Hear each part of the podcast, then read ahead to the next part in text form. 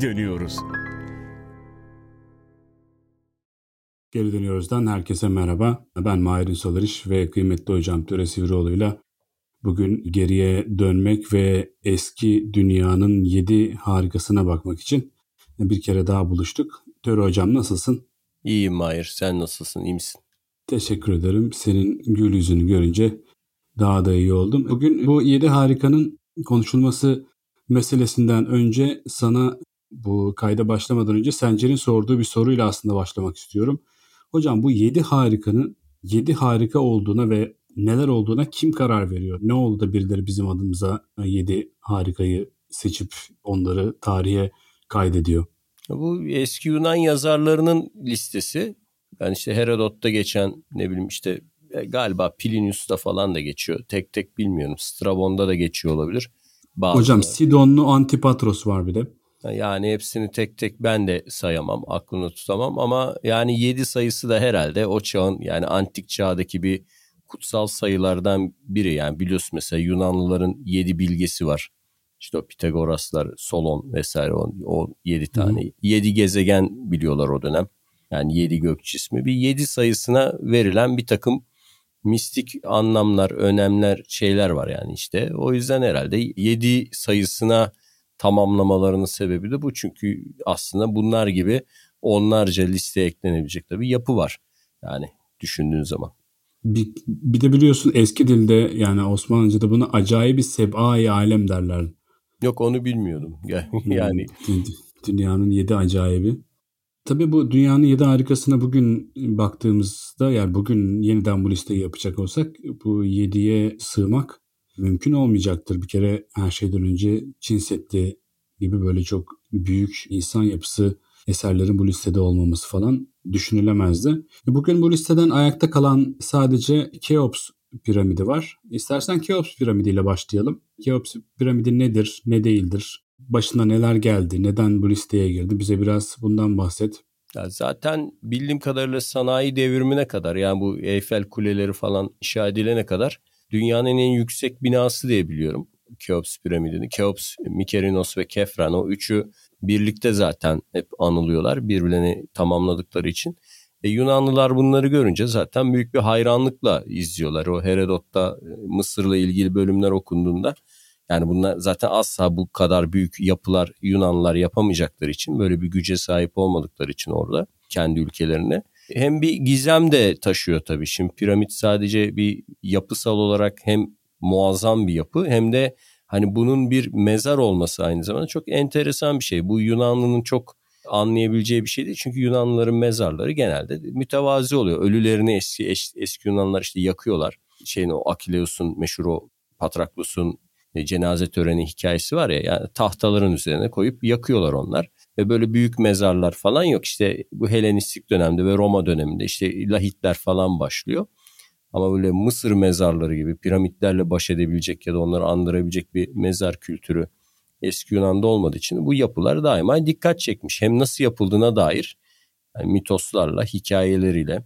Hırsızların örneğin Herodot şeylerini anlatır. Hani o piramitleri soymak isteyen hırsızların, hazineleri çalmak isteyen hırsızların hikayeleri hep ilgi çeken bir öykü tabii. Yani Mısır denince hala akla yani orta çağdaki Mısır değil hatta modern Mısır değil hala bile bugün piramitler geliyor. Yani eski Mısır akla geliyor.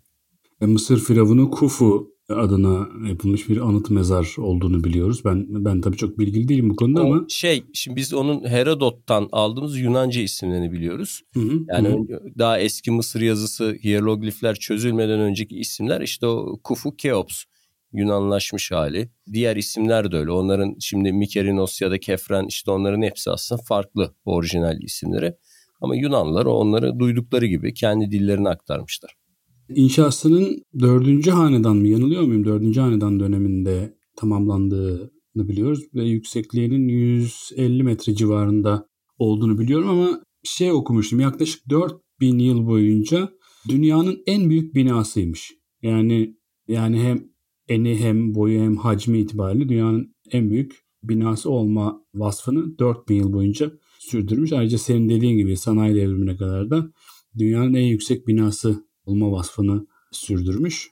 Yani sıkıcı bilgiler verebiliriz tabii. Ne bileyim taşları yan yana dizilse neredeyse ekvatorun dörtte üçüne falan ulaşıyormuş. Böyle derler. Hocam bizim verdiğimiz bilgiler şimdi sıkıcı mı oldu yani? Sen anlatınca biz sana hiç böyle şeyler demiyoruz. Yok canım ben kendi anlattığım şeyleri. Kendim anlatırken bunları sınavlarda hatırlar mısın? Tapınak sınavlarına falan girdiğimizde eni ne, boyu ne, kaç basamak, kaç kapısı var, kaç merdiveni Al, var. Alınlık genişliği. Yani evet o Troya'nın çapı, planları, RN kapısı, RO kapısı, rampası vesaire. Onlar geliyor aklıma. Ben de o yüzden o şeylerle odaklanmaktan o konulara hani bir ibadethane niye yapılır, bir mezar niye yapılır, bir yapı niye yapılır onları düşünmeye ve öğrenmeye zamanımız olmuyordu. Hocam Yapı- ben de hiç atamıyorum üstümden bu travmayı. Yani, Yani. böyle bazen işte insanların böyle Instagram'da şurada burada Efes'te falan filan paylaştıkları fotoğraflara bakıyorum falan. Ya böyle üzerime çok yoğun bir işte vizeye girecekmişim, işte finallere hazırlanacakmışım e, korkusu çöküyor ve böyle hızla geçiyorum o fotoğrafları. Tabii canım Şimdi o, bu piramit o piramit meselesini söyle hocam affedersin.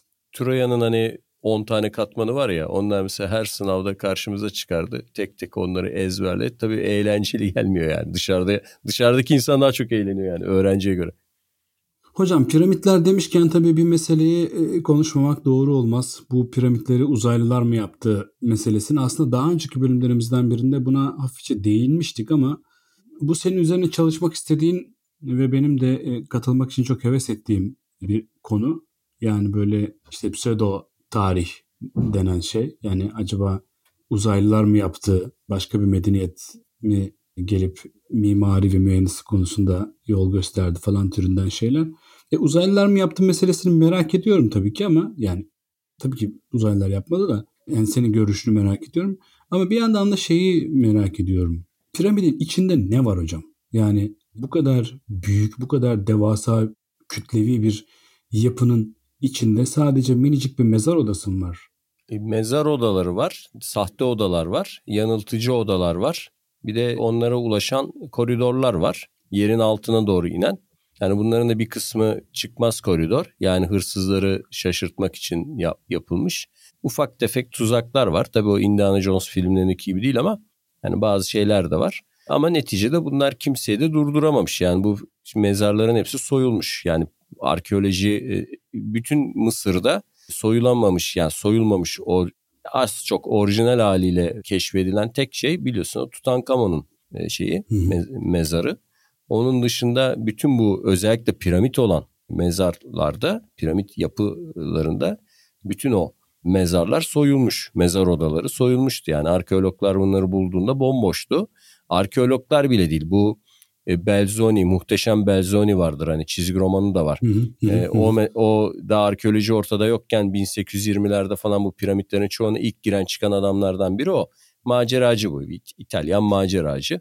Yani öyle bir şey eğitimi falan da yok. E, Sirklerde gü- güreşçilik falan yaparken bu işlere merak sarmış biri.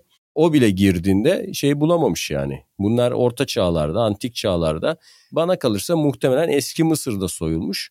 Çünkü bu piramitlerin mezar odalarının girişlerini bulmak mümkün değil. Yani modern teknolojiyle bile bulunmuyor. Büyük cihazlarla falan. Bunlar nasıl buluyorlar hırsızlar?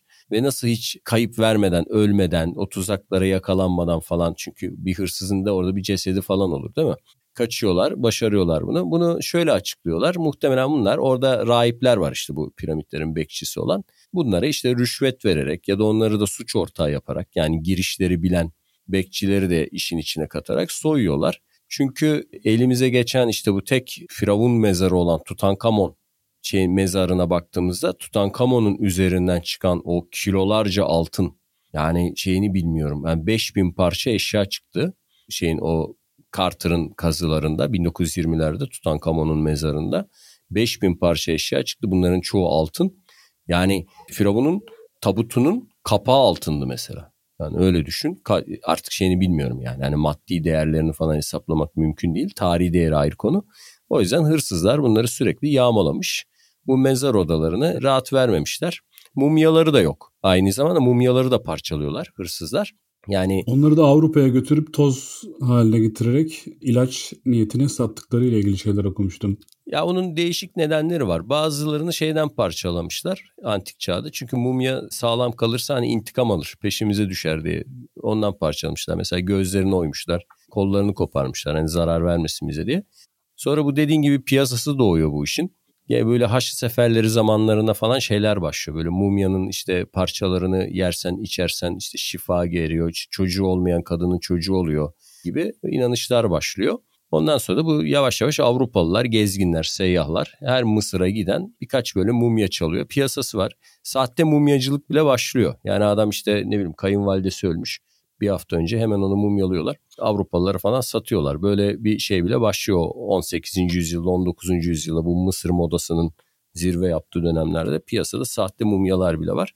Ve bunun edebiyatı da başlıyor işte o korku edebiyatı falan o 19. yüzyılda mumyanın lanetleri falan romanları. İngiltere'de bu ucuz roman türünde çok satanlar arasında bir sürü şey var yani kitap var. Hocam ben de zaten ben de zaten bu mumyaları ufalayıp ilaç niyetini özellikle de cinsel meseleleri çözecek ilaçlar e, niyetiyle Avrupa'da satıldığı bilgisini zaten Martin Mister'den biliyorum yani böyle tarihsel bir kitap kitap bir bilgi değil. Bir bölümünde onun öyle e, mumyacılar yakalanıyorlardı falan filan. Ama ee, ama ama şey kay, yapma. Kaynanayı mumyalamak fena fikir değilmiş bu arada yani. ama bak sadece Batılılarda değil bizde de var o. Zaten mumyacılık e, Türklerde de var. Anadolu Türklerinde de var. Hani mumya... Bizde de Melikşah'ın mumyasını hocam. Tabii tabii. O biliyorsun. E, şey yani mumya görmek için Mısır'a gitmeye gerek yok. Yani öyle diyelim bu konuyla Gazi. ilgilenen dinleyicilere. Yani Anadolu'nun her tarafı mumya doludur. Mesela ben Elazığ'da şeye gitmiştim. Oruç Baba'ydı galiba. O da meşhur Hı-hı. bir mumyadır. Ziyarete açıktır o. Ee, Anadolu Selçuklu Devleti de işte o, o dönem Mengücekler, danışmentler işte neyse onlar da e, saygıdeğer işte kişileri, velileri, kralları, işte hükümdarları o falan mumyalamışlar. Bunu neden yaptıklarını bilmiyoruz ama bunu işte yerel halkta bugün yani asırlar boyunca bu mumyalardan parça koparıp parmağını koparıp işte bir parçalarını koparıp öğütmüş, çorba yapmış. işte gebe kalmak için ya da işte o kısırlığı tedavi etmek için falan bunları yemişler yani. Bu Anadolu'da çok yaygın bir şey gelenek olarak. O Melik Gazi'nin mesela şeyini incelerlerse evet dinleyicilerimiz o mumyanın neler geldiğini başını görebilirler yani. Hocam ben biliyorsun Kültür Bakanlığı'nda görev yaptım senelerce. O dönemde Anadolu'nun çeşitli müzelerine işte çeşitli komisyonlarda görev almak üzere gönderilmiştim. Ve çok fazla Anadolu'da müze gezme şansım oldu. Hatta öyle müzeler gezdim ki Anadolu'da hiç ziyaretçisi olmadığı halde sadece Ankara'dan gönderilen bir takım uzmanların geldiği e, müzeler var böyle Anadolu'da. Bakanlığın ücretsiz yaptığı halde ziyaretçisi olmayan müzeler. Dolayısıyla çok fazla Anadolu müzelerinde mumyalar gördüm dediğin doğru. Demek ki kaynanasını e, mumyalama fikrine ilk ulaşan sen değilsin. Şimdi bu şey meselesine çok takılmadan piramit meselesine aslında piramitle ilgili daha söyleyeceklerim vardı ama diğer geriye kalan 6 harikanın e, malzemesinden zamanından çalmayayım diye e, devam etmek istiyorum. Biraz şey yapıyoruz aslında bakarsan e, kronolojik olarak eskiden geriye doğru geliyoruz. Sırada Babil'in asma bahçeleri var ama Babil'in asma bahçeleriyle ilgili bizim elimizdeki e, kayıtlar biraz şaibeli kayıtlar. Yani böyle bir şey var mı yok mu bundan çok emin olamıyoruz. Çünkü Babil asma bahçelerine ait kayıtların kendisi de onunla çağdaş kayıtlar değil genel olarak.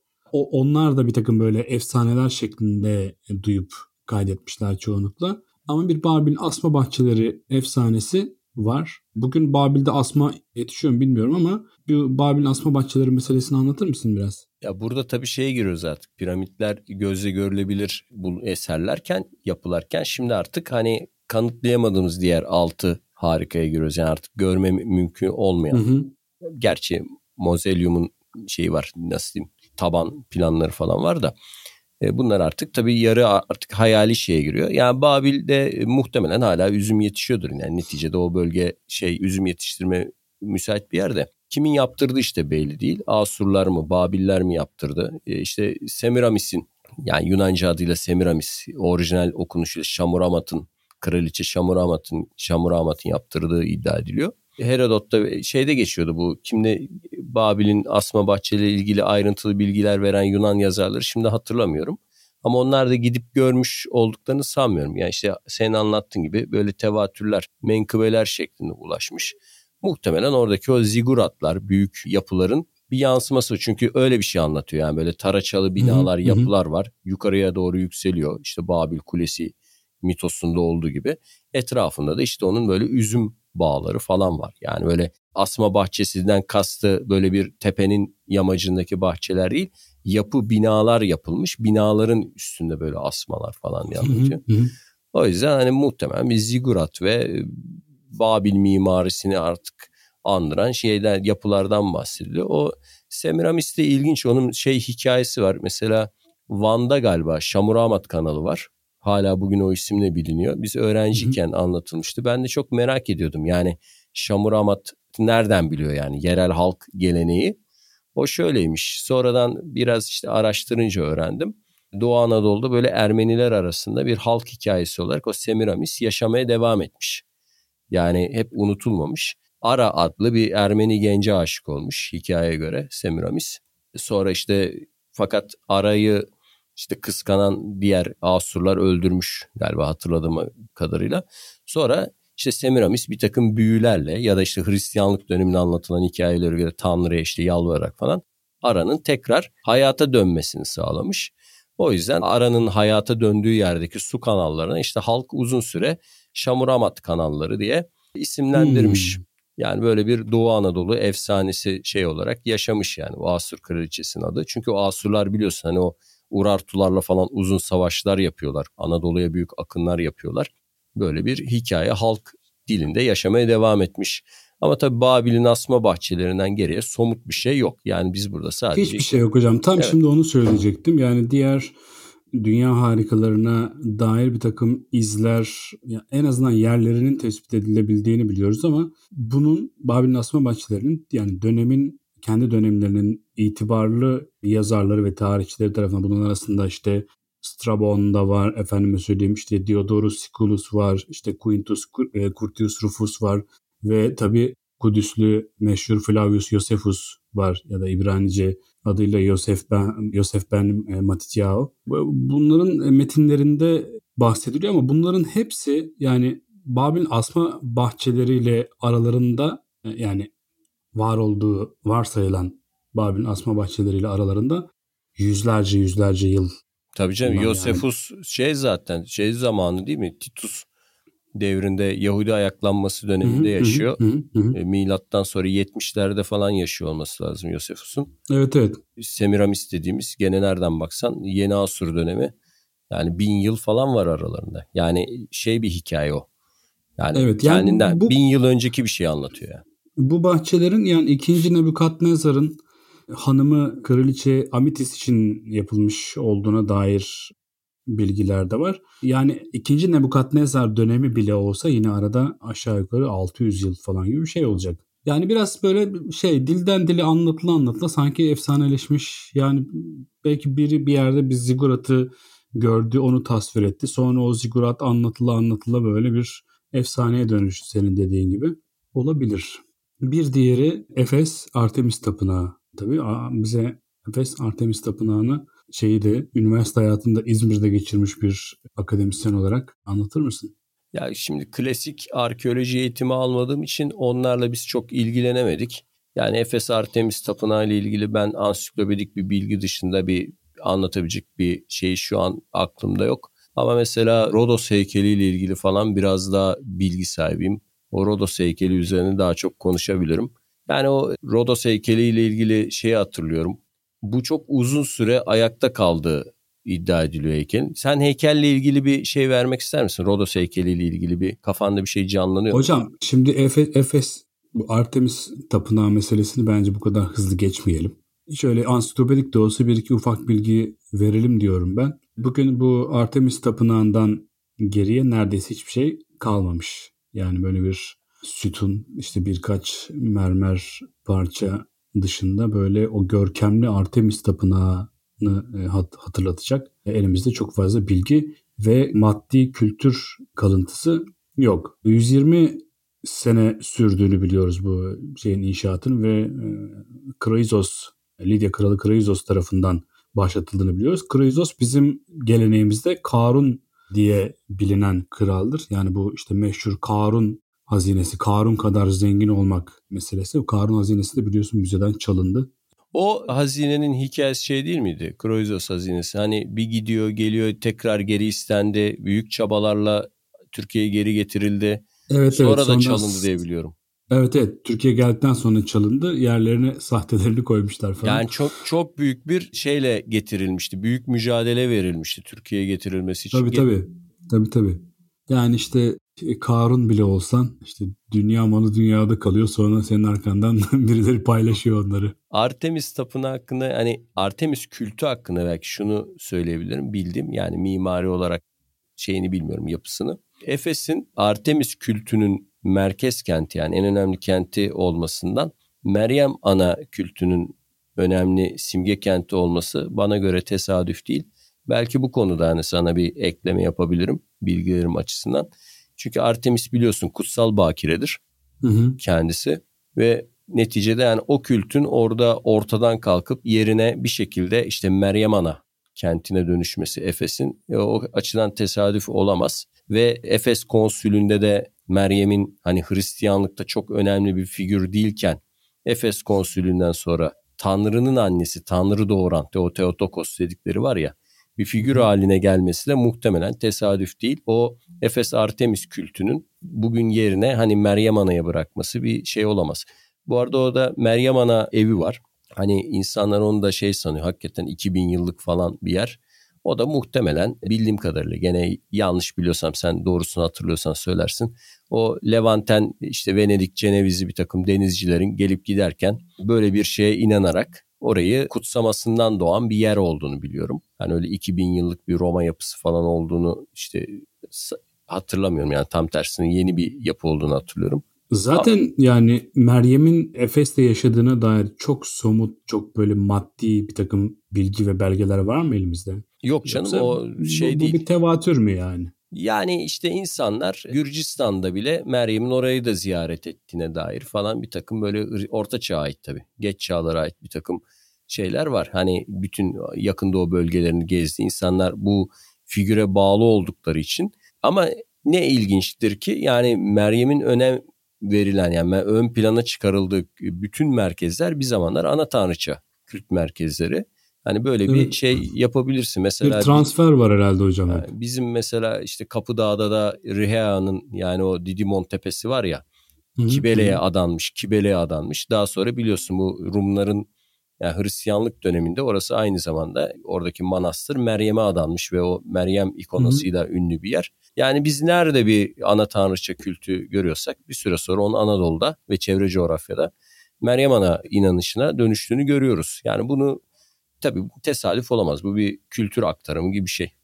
Hocam bir sonraki dünya harikamız büyük Zeus heykeli yani Olimpos dağında bu e, Olimpos dağı dediğimiz mitolojik Olimpos dağı değil. Aslında belki de aynı dağ ama e, Selanik'in 80 kilometre güney batısında bulunan işte bugün e, Tesalya ve Makedonya sınırı arasında bulunan Olimpos dağında inşa edildiği söylenen Fidias tarafından yapılan ve 13 metre yüksekliğinde olduğu söylenen bir e, oturan Zeus heykeli var. Bu heykel hakkında bir şeyler söyleyecek misin? Yoksa onu da gürültüye geçip getirip geçelim mi? Birkaç Olimpos Dağı var. Hani onu o bilgiyi verelim. Bizim Uludağ da aslında bir adı Olimpos Dağı.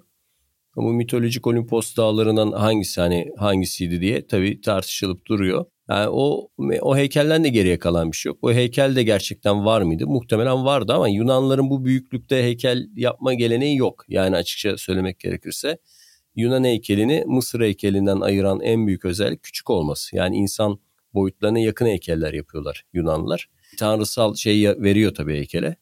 Yani bir kahramanlık görüntüsü veriyor ama öyle Mısır'daki gibi o Ebu Simbel'deki falan gibi hakikaten devasa büyük heykeller Yunan geleneğinde yok. Varsa da sadece demek ki bu vardı.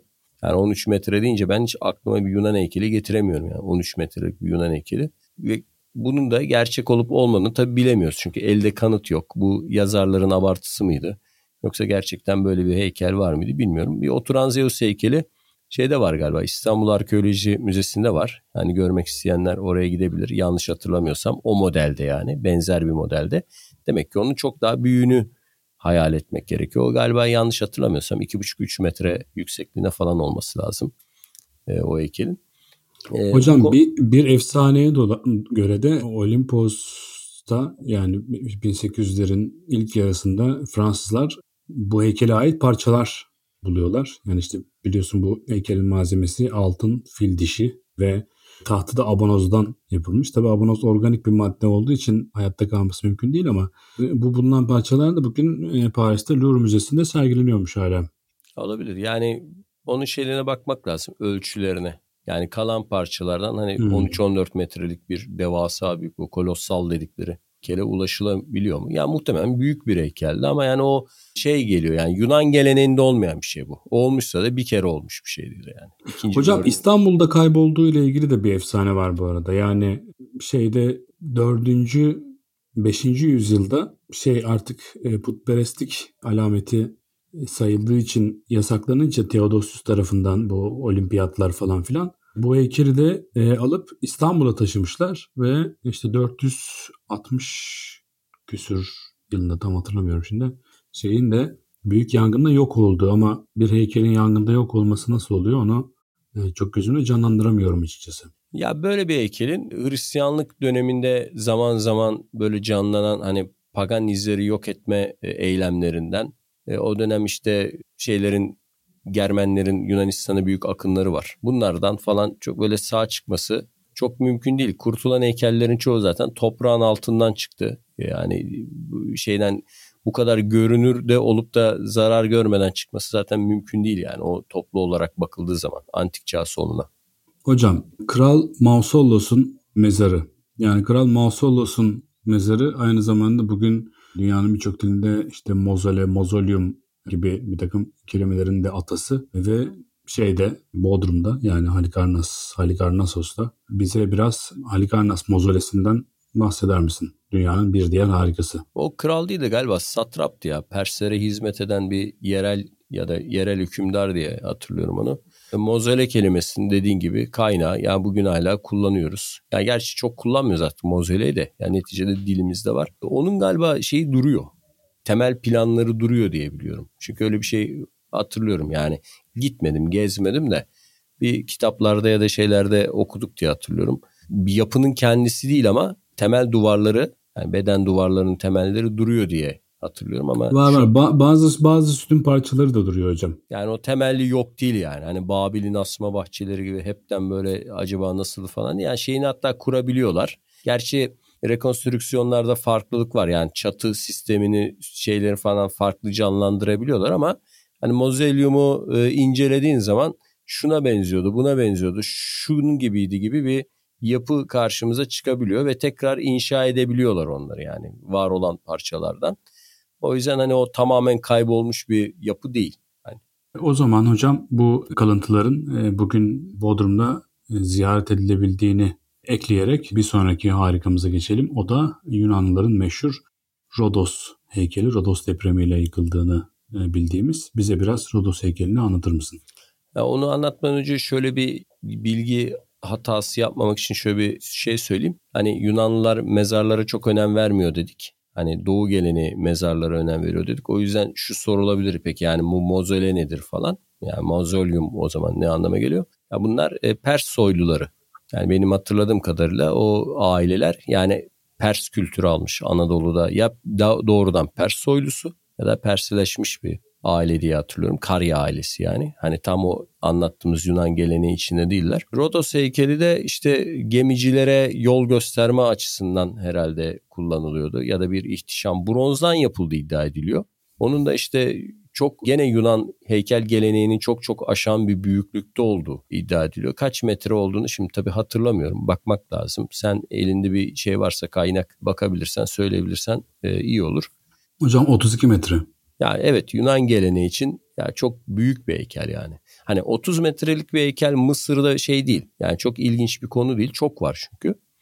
Karnak'ta falan vesaire birçok yerde genelde oturur pozisyonda ama olsun çok var. Hatta Afganistan'daki Budalar falan şeydi 55 metreydi bir tanesi. Hani. Dünyanın, dünyanın en büyük ayakta duran figürlerinden biriydi. Hani onlar Doğu dünyasına şey değil yani ilginç değil ama Yunan dünyasına çok enteresan. Bir de bu kadar büyük bir heykelin saf bronzdan dökülmüş olması hani içi boş bile olsa genelde öyle oluyor. Çok böyle akıl alır bir işte değil yani. Hani büyük bir iddia bu kadar bir 30 metrelik bir bronz heykel yapmış olmaları. Bir depremlerde yıkılıyor bu heykel.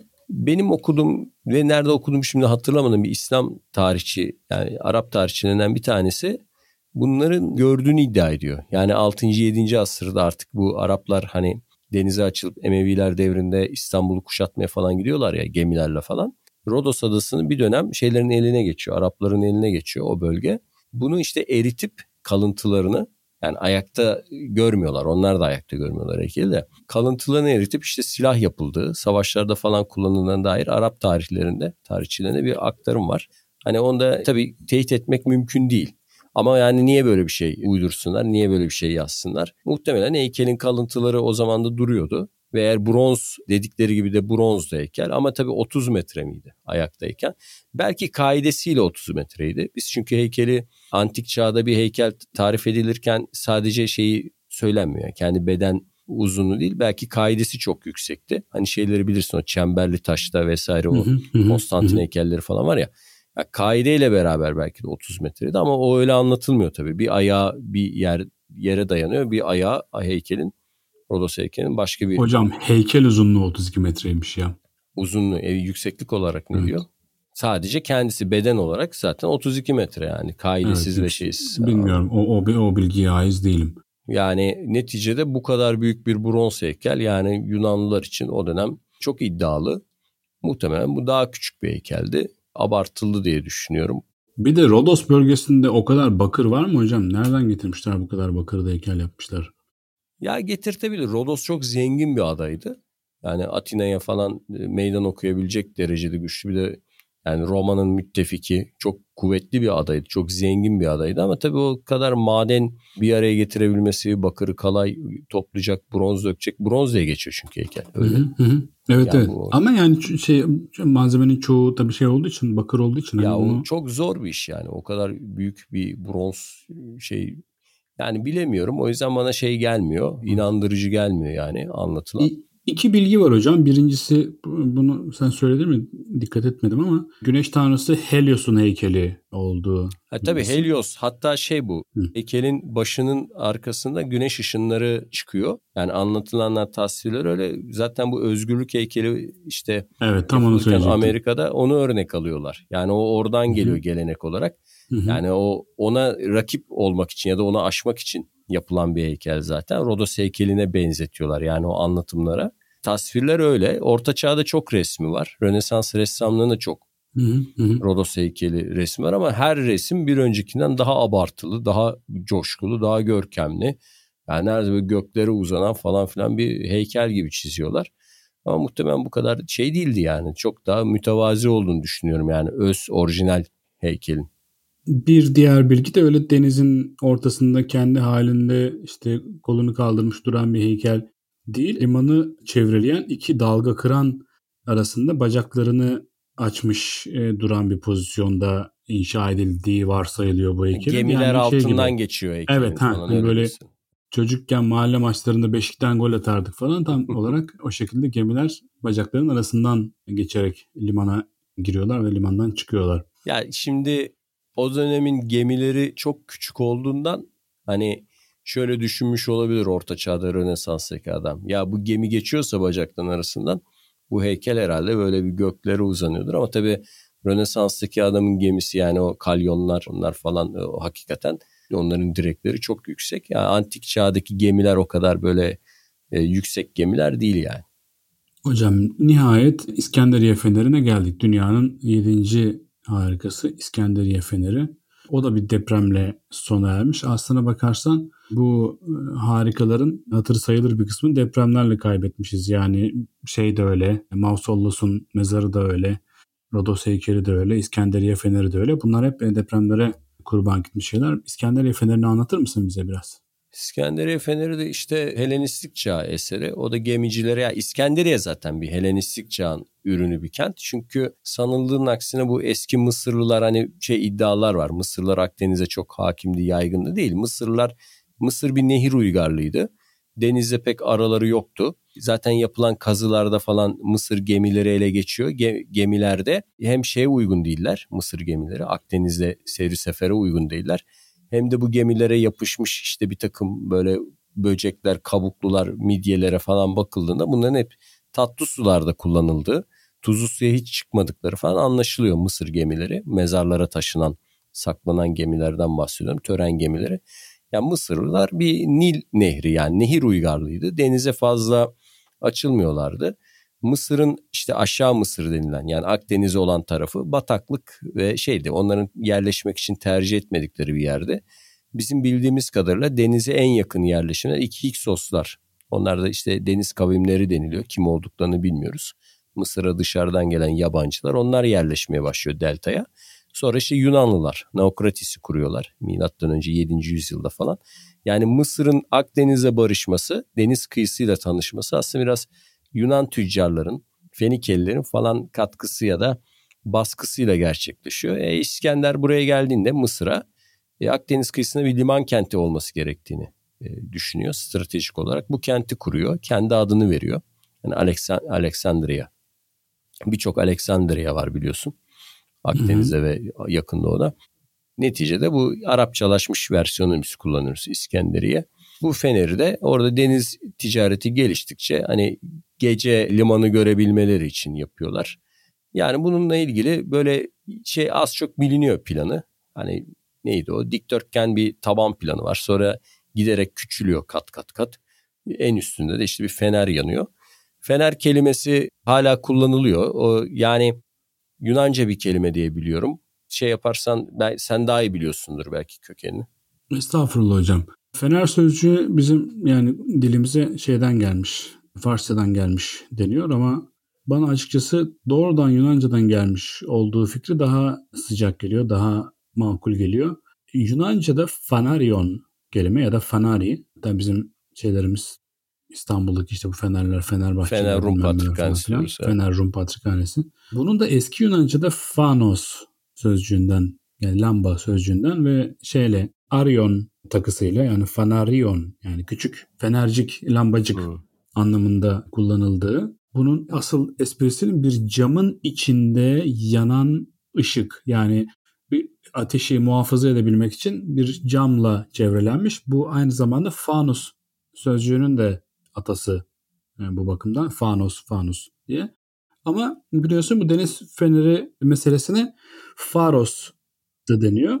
Evet Yunanlılar İskenderiye fenerine yani fener kelimesini kullanıyorlar biliyoruz. Arapçaya da sanırım o şekilde geçmiş Yunanlılarda ama ona faros diyorlar. Hani ben onu incelemedim açıkçası. Hani neden fener kelimesi varken ayrıca İskenderiye fenerine özel bir isim olarak yani sadece orası için kullanıyorlar bunu faros adını.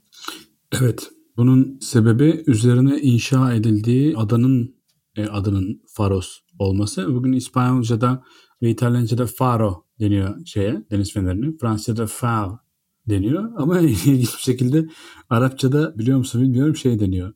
Deniz minaresi deniyor. Öyle mi diyorlar? Deniz evet, minaresi. Aynen yani şey minaretel bahr deniyor. Güzel diyorlarmış. Güzel şeymiş evet. yani.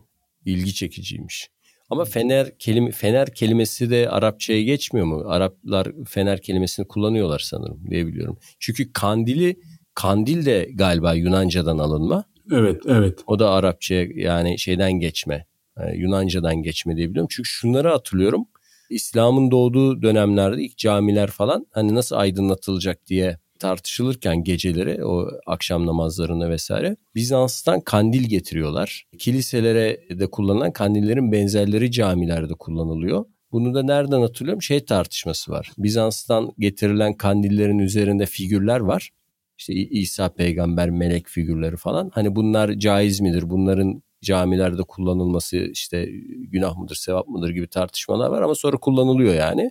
Ama kandil kelimesini ve fener kelimesini yani aydınlatma ile ilgili eşya ve terimlerin o yıllarda Arapçaya geçtiğine dair bir şeyler okumuştum diye şimdi Hocam güncel Arapçada, Fasih Arapçada fener denmiyor. Yani Denmiyor. benim bildiğim iki kelime var. Biri şuala, bir Meşale de köklü. şey. evet, evet Meşale. onun kökü.